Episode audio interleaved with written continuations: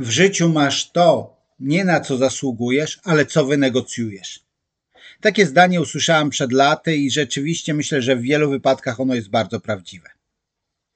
Kiedyś dzieliłem się tym w gronie znajomych, czyli nie na jakimś szkoleniu, i jedna z osób, taka osoba, która taka, nazwijmy to cicha myszka, która specjalnie nie jest osobą taką, którą byś kojarzył z typem sprzedawcy, twardego negocjatora i tak dalej, mówi, wiesz Andrzej, to jest prawda. Kiedyś zarobiłam 50 tysięcy w ciągu paru sekund. Od razu mnie to zaciekawiło, mówię, opowiadę. No mówi, to było kiedy kupowaliśmy mieszkanie dla siebie. Już mieliśmy wszystko dogadane i tak na koniec powiedziałam do tej osoby, która sprzedawała, a może by tak jeszcze 50 tysięcy w dół. I ta osoba powiedziała, no dobrze. I w ten sposób 50 tysięcy kredytu mniej braliśmy. Więc za chwilę poznamy cztery takie typowe błędy y, przy negocjacjach, a w następnym nagraniu poznasz 18 praktycznych technik negocjacyjnych. Ale teraz idziemy do tych błędów. Błąd numer jeden. Nieodpowiednie przygotowanie do negocjacji. Co mam na myśli? No, idziemy jakoś przygotowani do negocjacji, wiemy co chcemy, wiemy czego nie chcemy, no ale właśnie, czasami to jest bardzo ogólne, a potrzebujemy bardzo dokładnie to przygotować, więc jest takich pięć punktów. Pierwsze, jasno określony cel. A więc pytanie, co chcesz osiągnąć, dlaczego chcesz to osiągnąć, co nie podlega negocjacjom, z czego mogę ustąpić, jakie mam wartości dodane. Tak, było szybko, natomiast y, pokażę to na przykładzie. Mm, w 2009 roku otwieraliśmy sklep zoologiczny, ale to był sklep, którym chcieliśmy bardziej nadzorować i mieć osobę, pracownika, pracownicę, którzy będą tam pracować. Więc co chcieliśmy osiągnąć? Chcieliśmy mieć sprzedawcę lub sprzedawczynię, która spełnia następujące warunki jest studentem lub studentką zaoczną, chodziło tutaj o niższy ZUS i te inne związane z opłaty pracownicze oraz o dyspozycyjność od poniedziałku do piątku, która ma umiejętności sprzedażowe, czyli ma już jakieś doświadczenie w sprzedaży oraz ma osobowość interaktywno-dyrektywną, czyli sangwiniczno-choleryczną według innej terminologii. Oczywiście tej ostatniej rzeczy nie wpisywaliśmy e, w ogłoszenie o pracy, natomiast to było bardzo proste do mm, zdiagnozowania bez żadnych testów. Tak? To jest bardzo wyrazista osobowość. I dlaczego chcieliśmy to osiągnąć? Tutaj trzeba było bardzo ważne, bardzo ważne było to, żeby wiedzieć nie tylko co chcemy, ale i dlaczego. Na przykład, a co by było, gdyby znalazła się osoba, która jest studentem lub studentką zaoczną, która e, ma umiejętności sprzedażowe, ma taką osobowość, ale mówi, ale y, generalnie od poniedziałku do piątku nie jestem dyspozycyjna, ponieważ w czwartki mamy jakieś tam zajęcia, na które jeżdżę, w środę mam basen, więc no właśnie. Druga rzecz, y, która była ważna. A co gdyby przed ktoś, który mówi, nie jestem studentem, studentką, mam duże doświadczenie, ale ze względu na, i tu brakuje mi wiedzy, tak, nie wiem, y, z jakichś powodów, ta osoba też miała, moglibyśmy ją zatrudnić na takich samych warunkach jak studenta czy studentkę, czyli na tym jakimś tam małym ZUS-ie i tych mniejszych opłatach. Więc nie tylko warto wiedzieć, co chcemy, ale też dlaczego. Trzecia rzecz, co nie podlega negocjacjom. Negocjacjom nie podlegało to, że to będzie ktoś, kto mówi, mam świetne umiejętności, ale musimy mi zatrudnić na pełen etat, nie mam żadnych zniżkowych ZUS-ów i tak dalej. To w ogóle nie wchodziło w grę, ponieważ no, nie chcieliśmy podejmować takiego ryzyka biznesowego. I druga rzecz, że ma inną osobowość. Tak, była jedna z takich osób na rozmowie, taka bardzo e, celująco solidarna, e, ta, która mówiła, e, ale ja jestem bardzo uczciwą osobą. Absolutnie wierzyłem jej, że jest uczciwą osobą, ale to nie jest ten typ, którego szukaliśmy, żeby dobrze sprzedawał i tworzył odpowiednią atmosferę e, w firmie. Więc widzieliśmy, co nie podlega, a z czego mogę ustąpić? Z tego, że ktoś ma lub nie ma umiejętności mm, sprzedażowych. I tutaj była taka właśnie jeszcze jedna rzecz, tak? To było, no wiadomo, ludzie przychodzą, więc rozmawiamy też o finansach. Nie pamiętam teraz dokładnie, ale dla prostoty przykładu wezmę sobie, że jakaś stawka wtedy normalna to była 10 zł za godzinę. I teraz my tak wiedzieliśmy, że jeżeli to jest osoba o dużych umiejętnościach sprzedażowych, oczywiście nie mogliśmy ich sprawdzić, ale, ale mogliśmy posłuchać, zobaczyć CV, posłuchać doświadczenia zawodowego, więc stwierdziliśmy, że 12 zł za godzinę możemy dać. Ale jeżeli to przyjdzie osoba bez doświadczenia, więc to, z czego nie możemy ustąpić, nie możemy dać 12 zł, możemy dać 10 zł za godzinę.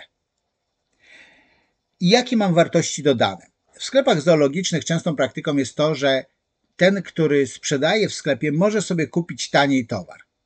Tak, że jakaś tam jest marża, narzut, a ta osoba może to kupić taniej. Oczywiście tutaj było do jakiejś sumy, teraz wymyślam, nie pamiętam tego zupełnie, powiedzmy, że do 500 zł miesięcznie może kupić towaru taniej. Tak, żeby nie było tak, że wykupuje bardzo dużo. Więc to jest jasno określony cel. Drugie to jest BATNA. BATNA to jest akronim z angielskiego, a po polsku to będzie najlepsza alternatywa dla negocjowanego porozumienia. Czyli co jest moją alternatywą? Czyli pytanie jest takie, no dobrze, czy stać mnie na to, żeby nie zatrudniać pracownika? To w ogóle nie wchodziło w grę, chociaż wchodziło w grę przez miesiąc czasu. Stwierdziłem, że zaczęliśmy dwa e, tygodnie przed rozpoczęciem chyba sklepu e, szukać odpowiedniej osoby, ale mieliśmy ten komfort, że e, to był sierpień, więc że jeszcze przez sierpień my możemy pracować nawet od poniedziałku do piątku, nawet trochę chcieliśmy, żeby zobaczyć specyfikę, jak to będzie ten sklep funkcjonował. Natomiast więc wiedzieliśmy, że mm, i że raczej znajdziemy, to był 2009 rok, a więc to zaraz po tym krachu z 2008 roku, więc to był rynek pracodawcy. A co jest alternatywą drugiej strony, czyli czy mm, no, wielu ludzi szukało wtedy pracy. Tak? Nie chcieliśmy tego wykorzystywać w taki nieuczciwy sposób, ale stwierdziliśmy, ok, jesteśmy w dobrej sytuacji. Trzecia rzecz. Jasno określone warunki umowy. I oczywiście to jest bardzo specyficzne dla e, różnych branż, dla różnych firm, dla różnych sytuacji. Natomiast e, dwie rzeczy. Często, szczególnie jeżeli wchodzisz w jakąś branżę, nie znasz tego, co jest typowe dla danej branży. Warto się dowiedzieć. E, ponieważ ja wchodziłem w tą branżę tak nie do końca jej nie znając, ponieważ od dwóch lat doradzałem dla sieci sklepów zoologicznych, który mój brat ze swoim przyjacielem prowadzili, więc znałem trochę. Też oni mi pokazali, jakie są umowy i co jest typowe w takich umowach, jak je zawierać, więc znałem branżę. I druga rzecz, e, kiedy określasz warunki umowy, musisz znać te obiektywne, niezależne od ciebie i od pracownika kryteria. Takie jak na przykład cena rynkowa czegoś albo kurs euro. Tak, to akurat tutaj w branży zoologicznej nie miało takiego zastosowania, ale w wielu branżach ma. Trzecia rzecz przy przygotowaniu to jest realizm. Czyli musisz wiedzieć, która to jest z opcji. Czy to jest taka opcja, że mamy takie cztery możliwości, tak? Wygrany, przegrany. Czyli w pewien sposób to była nasza sytuacja, kiedy zaczynaliśmy te negocjacje związane z zatrudnieniem pracownika, ponieważ my byliśmy na wygranej pozycji, czyli rynek pracodawcy ta druga strona była na przegranej, natomiast nie chcieliśmy tego wykorzystywać, bo uważamy, że to jest nieetyczne, a po drugie ktoś, kto, jak to mówią, z niewolnika nie masz pracownika, jak ktoś czuje się niewolniczo traktowany i wykorzystywany, raczej nie będzie w to serca wkładał. Ale druga rzecz może być taka, że przegrany, wygrany, czyli że ty jesteś tą osobą przegraną, tak? A ta druga jest wygraną. Czasami to się też opłaca. Na przykład jakiś duży podmiot zleca mi szkolenia i mówi, panie Andrzeju, ale tu cena może być tylko taka i taka. I załóżmy, to nie jest stawka, za którą normalnie pracuję, ale wiem, że jeżeli dobrze wypadnę, to może warto podjąć tą współpracę. Więc tu można się zastanawiać, nawet jeżeli w tym konkretnym, specyficznym wydarzeniu biznesowym możemy czuć się przegrani, to jednak ostatecznie może to na nasze plus wyjść. Kolejna rzecz przegrany, przegrany. Obie strony nie korzystają na tym. Rzadko, ale tak się zdarza. Czasami jest jakaś umowa, więc yy, nawiąże się jakaś umowa, zmienią się warunki zewnętrzne typu COVID i teraz obie strony są przegrane, więc czasami warto renegocjować umowy. I najlepsza opcja wygrany, wygrany, czyli że obie strony są zadowolone i czerpią z tego korzyści. I ostatnia, piąta rzecz przy przygotowaniu to jest umiejętność zarządzania swoimi emocjami jest taka bardzo ciekawa zasada, miękko do klienta, twardo o biznesie. Uważam, że jest genialna. No i teraz tak, musisz dobrze siebie znać. Może wiesz, że jesteś taką osobą, która świetnie nawiązuje relacje, super się rozmawia z klientem, ale w momencie, kiedy przychodzicie do rozmawiania o biznesie, no to jest trudno. Albo może wiesz, że jesteś taką osobą, która zbyt stanowczo mówi i czasami możesz e, kogoś przepłoszyć albo zrazić e, tą swoją przesadną stanowczością, albo może, no właśnie, tych może może być dużo. Dlatego, jeżeli chcesz lepiej poznać swoje emocje i lepiej nad nimi panować w takich codziennych sytuacjach i też biznesowych, to tam pod spodem masz kurs o asertywności. Naprawdę polecam. Może Ci bardzo pomóc podnieść poziom zarządzania twoimi emocjami, a jeżeli umiesz zarządzać emocjami, to umiesz zarządzać sobą, to umiesz zarządzać swoim życiem. A więc pierwszy błąd to brak odpowiednich przygotowań do negocjacji. Teraz przechodzimy do błędu numer dwa, czyli pięciu najczęstszych błędów już w samych negocjacjach. Pierwsze. Negocjowanie wokół stanowisk, a nie wokół powodów. Czyli na chwilkę tylko odejdźmy od takich specyficznych biznesowych rzeczy i taka typowa sytuacja, tak, nie wiem, mąż żoną chcą gdzieś wyjechać na wakacje i on mówi w góry, a ona mówi nad morze. No i teraz możemy tutaj się kłócić, możemy szukać, a może gdzieś do Chorwacji, gdzie są góry i morze. Można się tak naprawdę zaprzeć. Tak, załóżmy, że nie ma możliwości Chorwacji, jest Polska, albo góry, albo morze. Natomiast to są te stanowiska, teraz powód. Dlaczego on chce jechać w góry? Bo on chce dużo się ruszać, bo dla niego wysiłek fizyczny to jest odpoczynek? A dlaczego ona chce nad morze? Bo jest przemęczona i chciałaby po prostu leżeć na plaży, czytać sobie coś i się opalać. A więc co jest ważne? Tak, co, co jest ważne? Dlaczego jest to ważne? I teraz w tym, żeby określić, jakie są powody, a nie tylko zaprzeć się, tak, zatrzeć w tych stanowiskach, to dwa ważne pytania. Co sprawia, że jest to ważne dla mnie lub dla drugiej strony? I drugie, co musiałoby się zmienić, abyśmy mogli dojść do porozumienia? Drugi, najczęstszy taki błąd negocjacyjny, to jest stosowanie gruźb. Czyli na przykład, aha, jeżeli tak, to kończymy współpracę. Oczywiście czasami jest tak, że musimy skończyć współpracę, bo nie możemy się dogadać. Czasami jest tak, że pracownik, który nie chce czegoś wykonywać, zwalniamy go. Może tak być. Natomiast to są raczej wyjątki niż reguły. Natomiast jeżeli to stosujemy po prostu, żeby e, przestraszyć tą drugą stronę, żeby ją zastraszyć, to nie jest to dobra metoda. To zwykle utwardza stanowisko drugiej strony. Trzecia rzecz. Mieszanie merytoryki i relacji. Musimy jasno to rozdzielić. Na zasadzie, no przecież yy, my się tak lubimy, czy my yy, nie możemy jednak dostać tego rabatu, tyle lat współpracujemy. I ta druga strona odpowiada, to prawda, lubimy się i bardzo się z tego powodu cieszę, wolę współpracować z tymi, których lubię lub, niż nie lubię. Współpracujemy tyle lat i współpraca układa się dobrze, dlatego że nie dajemy rabatów i dlatego, że płacicie z góry. A więc mieszanie merytoryki i relacji to zwykle się nie sprawdza. Czwarta rzecz. Uleganie presji pod koniec negocjacji. Taki efekt pękniętej tamy. Pamiętasz przykład, który opowiadałem na samym początku, że tam w gronie moich znajomych jedna powiedziała, że a już pod koniec, kiedy już było dogadane, że sprzedają mieszkanie, dam ci to, ona zapyta, a może tak 50 tysięcy w dół. No i ta druga strona się zgodziła. Właśnie to jest to, uleganie pod koniec y, negocjacji. Trzeba na to uważać. W ogóle z uleganiem to jest taka zasada e, powoli, coraz mniej i w odpowiedzi na argumenty. Powoli, coraz mniej i w odpowiedzi na argumenty. Wytłumaczę. Załóżmy, że możesz zejść 30 tysięcy z ceny. I teraz ktoś coś mówi, mówi i ty widzisz, że no jednak cena tu jest kluczowa, no ale i on używa takiego argumentu, no nie, no w takim razie muszę poczekać te pół roku. No dobrze, jeżeli pan tutaj cena jest kluczowa, no to rzeczywiście mogę zejść te 20 tysięcy. I często zachęcony czymś takim klient mówi, o wspaniale, to może jeszcze co... nie ustępuj, rozmawiaj z nim, jeżeli rzuci jakiś argument, na przykład, e, dobrze, to ja płacę teraz z góry, dobrze, e, a co będzie, jeżeli zapłacę z góry? Jeżeli zapłaci pan z góry, mogę jeszcze 10 tysięcy e, zejść, ale to jest moje ostatnie słowo. Czyli on miał jakieś argumenty, że za pół roku, a ty chcesz sprzedać teraz, no to mówisz 20 tysięcy. Kolejna rzecz, on mówi, a jeżeli zapłacę teraz w tym momencie, no to 10 tysięcy może zejść, ale mówi, że to ostatnie słowo i rzeczywiście to musi być ostatnie słowo. I piąta rzecz, ustępowanie w zamian za obietnicę. Tak, to jest taka zasada, jeśli będzie, to będzie. Pamiętam taki moment, e, kupowaliśmy chyba swoje drugie auto, używane gdzieś tam od poleconego sprzedawcy aut.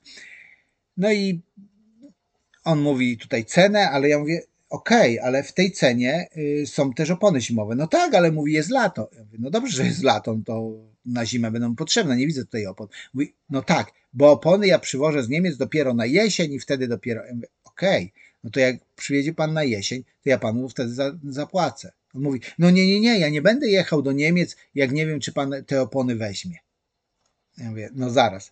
No to jak pan będzie jechał do Niemiec, to mogę dać na przykład połowę stawki wtedy i żeby pan miał pewność też, rozumiem, e, ale nie tak, że teraz w ciemno. On mówi, e, no ale ja tak zawsze robię. Mówię, okej, okay, ale nie z nami.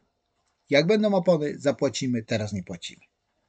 Więc to jest drugi powód, najczęstsze błędy negocjacyjne. Trzecia rzecz. Uleganie manipulacji. I siedem takich typowych trików negocja w negocjacjach manipulacyjnych. Pierwsze, obrona przed manipulowaniem tożsamością. Taki przykładowy dialog. Ktoś mówi do ciebie: Jest pan zawsze kompetentny, więc proszę wytłumaczyć swojemu współpracownikowi, że się myli. Tak? Jest jakaś sytuacja, reklamacja, wzywają szefa firmy, przychodzi szef i od razu ten człowiek mu, y, tak, tożsamość, jest pan kompetentny, tak, kompetencja, szczególnie to na osoby dyrektywne może zadziałać.